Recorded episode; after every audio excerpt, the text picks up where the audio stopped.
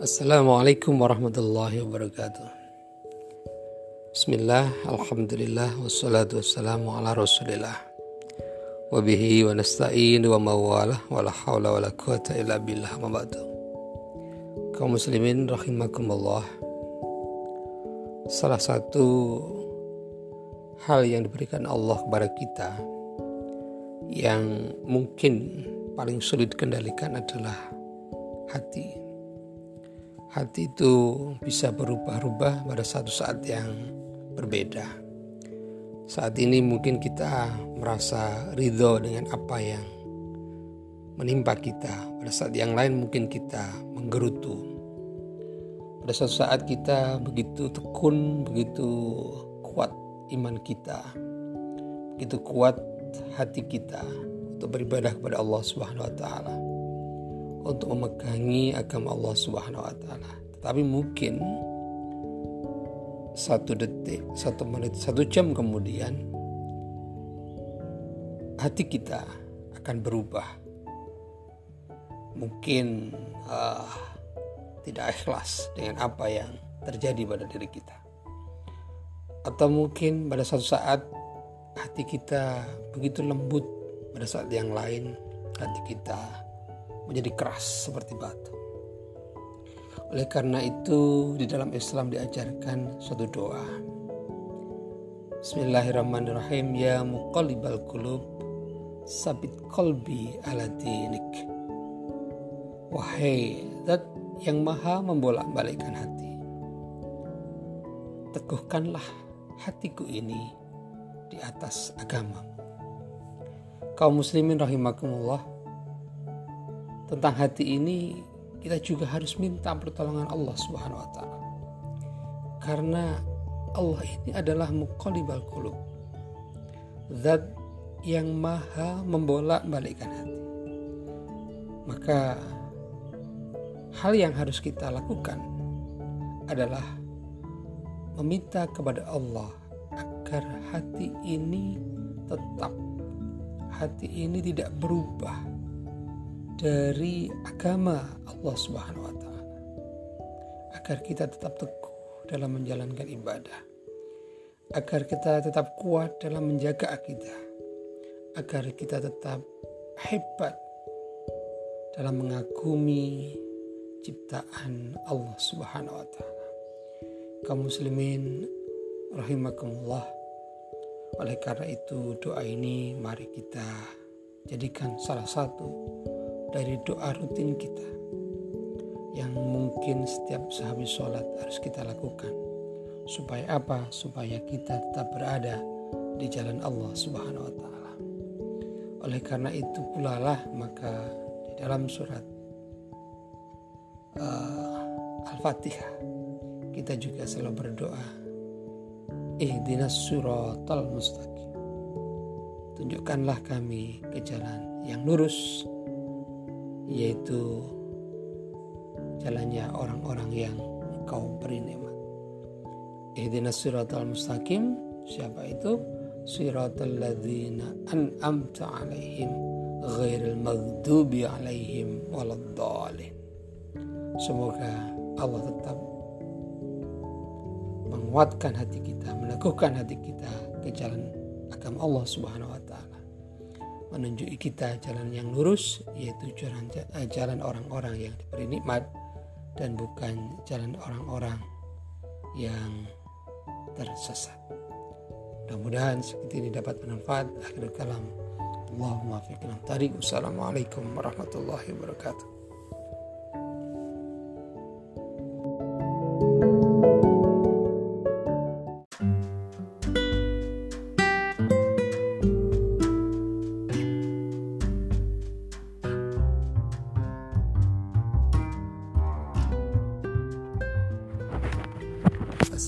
Assalamualaikum warahmatullahi wabarakatuh.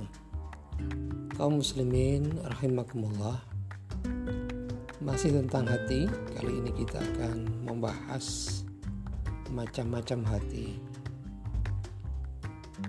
Menurut Ibnul Qayyim al-Jauziyah Bahwa hati itu Merupakan cermin yang harus senantiasa dibersihkan. Sebagai sebuah cermin, dia akan memantulkan sesuatu sebagaimana yang tampak di depannya. Namun demikian, apabila cermin itu kotor, tentunya bayangan yang dihasilkan dari cermin itu juga akan kotor. Menurut beliau Ibnu Qayyim al-Jauziyah, hati itu dibagi menjadi tiga. Yang pertama adalah kolbun salim, hati yang sehat. Yang kedua adalah kolbun marid, hati yang sakit. Dan yang ketiga adalah kolbun mayit. Kolbun salim adalah hati yang sehat dalam artian hati yang bersih ya hati yang hidup penuh dengan ketaatan dan dapat menangkap cahaya yang diberikan oleh Allah Subhanahu wa taala berupa dinul Islam. Di dalam kalbun salim itu terdapat nafsul mutmainah, yaitu jiwa yang tenang. Oleh karena itu, dalam surat As-Saffat ayat 84 disebutkan A'udzubillahi minasyaitonirrajim idz jaa rabbahu biqalbin salim Ingatlah ketika ia datang kepada Tuhannya dengan hati yang suci. Kaum muslimin rahimakumullah ketika hati kita suci maka kita dapat menangkap perintah yang diberikan oleh Allah Subhanahu wa taala. Dapat melihat ayat-ayat yang diberikan Allah Subhanahu wa taala baik itu berasal dari Al-Qur'an maupun berasal dari ayat-ayat kauniyah itu ayat-ayat yang berupa alam yang diberikan sebagai pertanda tentang kebesaran Allah Subhanahu wa taala. Golongan hati yang kedua adalah hati yang sakit atau kolbun marid Kolbun marid adalah hati yang memiliki penyakit.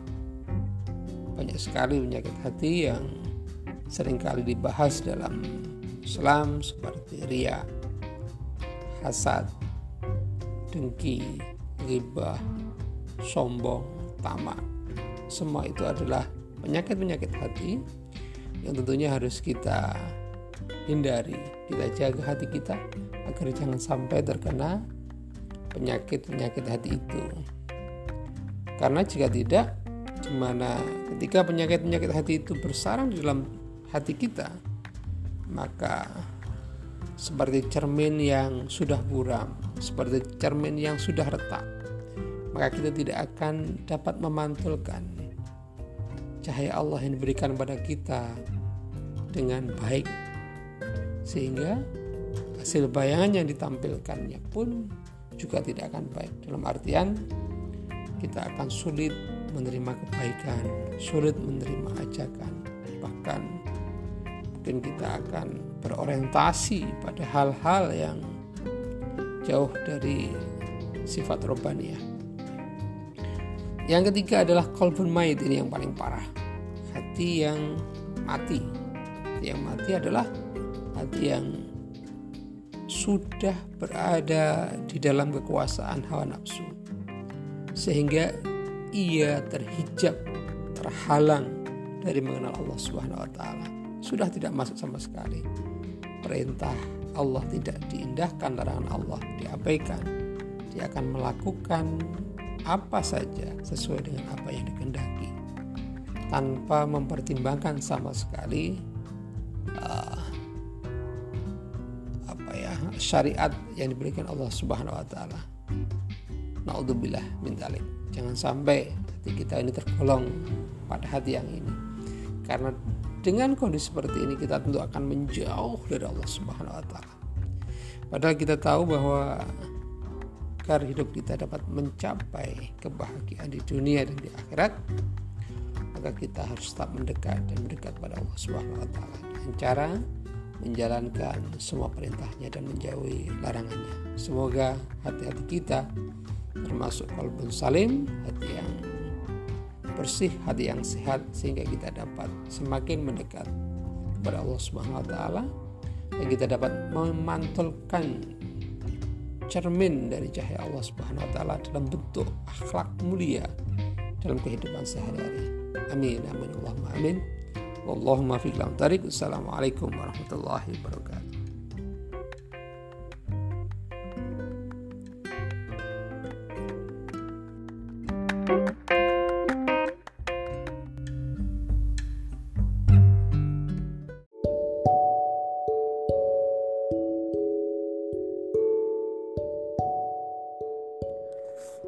Assalamualaikum warahmatullahi wabarakatuh. Kaum muslimin rahimakumullah. Pada kesempatan kali ini kita akan menceritakan sebuah cerita hikmah tentang hotel. Ya, tentang hotel milik Khalifah Utsman bin Affan di Madinah.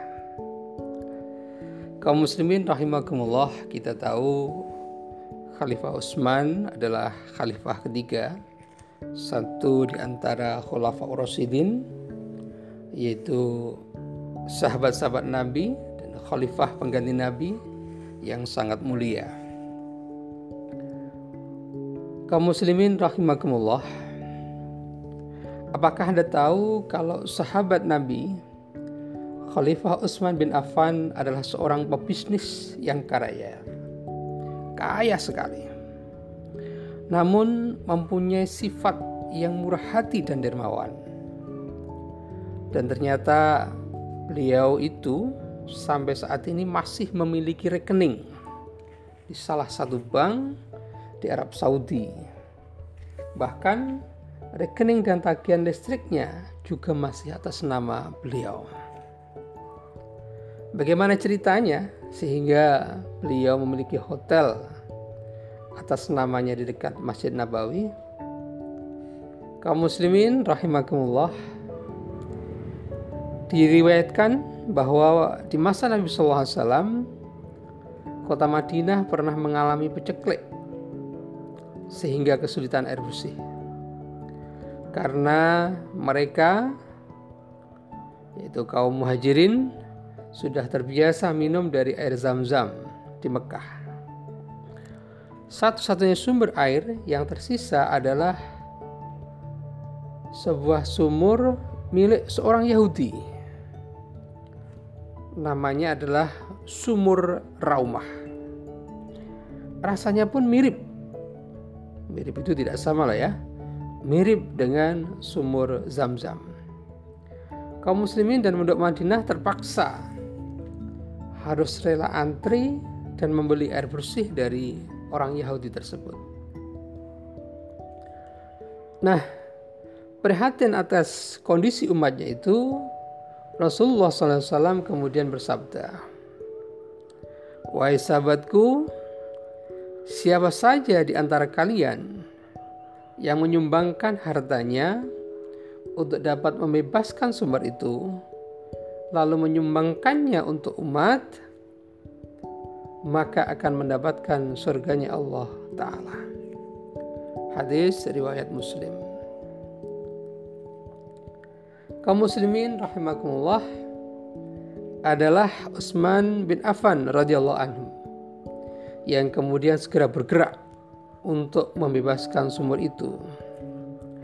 Utsman segera mendatangi Yahudi pemilik sumur dan menawar untuk membeli sumur Raumah itu dengan harga yang tinggi. Walau sudah diberi penawaran yang tertinggi sekalipun, Yahudi pemilik sumur tetap menolak menjualnya. Bahkan dia berkata,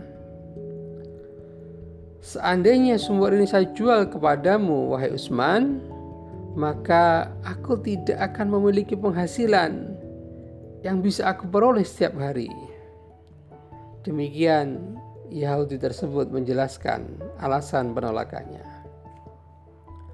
Utsman bin Affan radhiyallahu anhu yang ingin sekali mendapatkan balasan pahala berupa surga tidak kehilangan cara mengatasi penolakan Yahudi ini.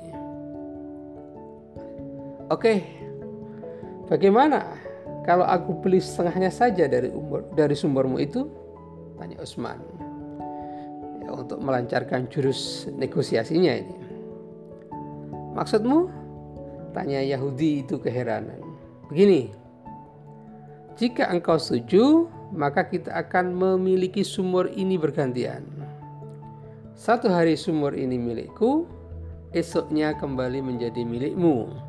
Kemudian lusa menjadi milikku, dan selanjutnya berganti satu hari satu hari. Bagaimana? Jelas Usman.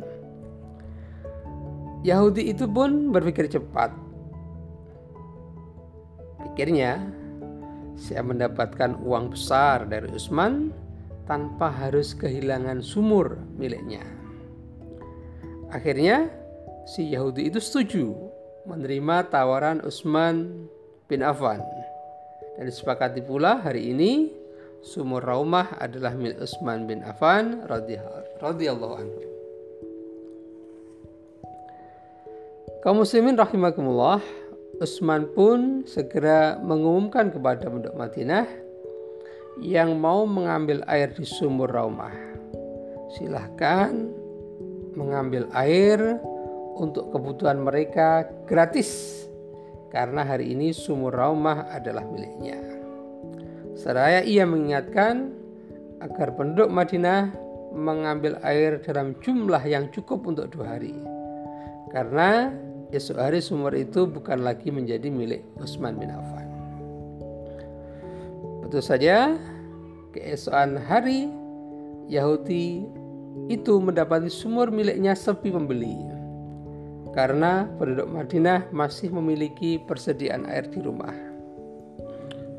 Yahudi itu pun mendatangi Utsman dan berkata, "Wahai Utsman, berilah setengah lagi sumurku ini dengan harga yang sama seperti engkau membelinya setengahnya yang kemarin itu." Utsman setuju lalu dibelinya seharga 20.000 dirham maka sumur Raumah pun menjadi milik Utsman bin Affan secara penuh. Kemudian Utsman bin Affan radhiyallahu anhu mewakafkan sumur Raumah itu. Sejak itu sumur Raumah dapat dimanfaatkan oleh siapa saja, termasuk orang Yahudi pemilik lamanya. Sumur itu diwakafkan untuk kaum muslimin dan setelah beberapa waktu kemudian tumbuhlah di sekitar sumur itu beberapa pohon kurma dan terus bertambah. Lalu Daulah Utsmaniyah memeliharanya hingga semakin berkembang. Lalu disusul juga dipelihara oleh pemerintah Saudi hingga berjumlah 1550 pohon. Luar biasa bukan? Kaum muslimin rahimakumullah. Selanjutnya, pemerintah dalam hal ini Departemen Pertanian Saudi menjual hasil kebun kurma ini ke pasar-pasar. Setengah dari keuntungannya disalurkan untuk anak-anak yatim dan fakir miskin. Sedang setengahnya ditabung dan disimpan dalam bentuk rekening khusus milik beliau di salah satu bank atas nama Utsman bin Affan di bawah pengawasan Departemen Pertanian.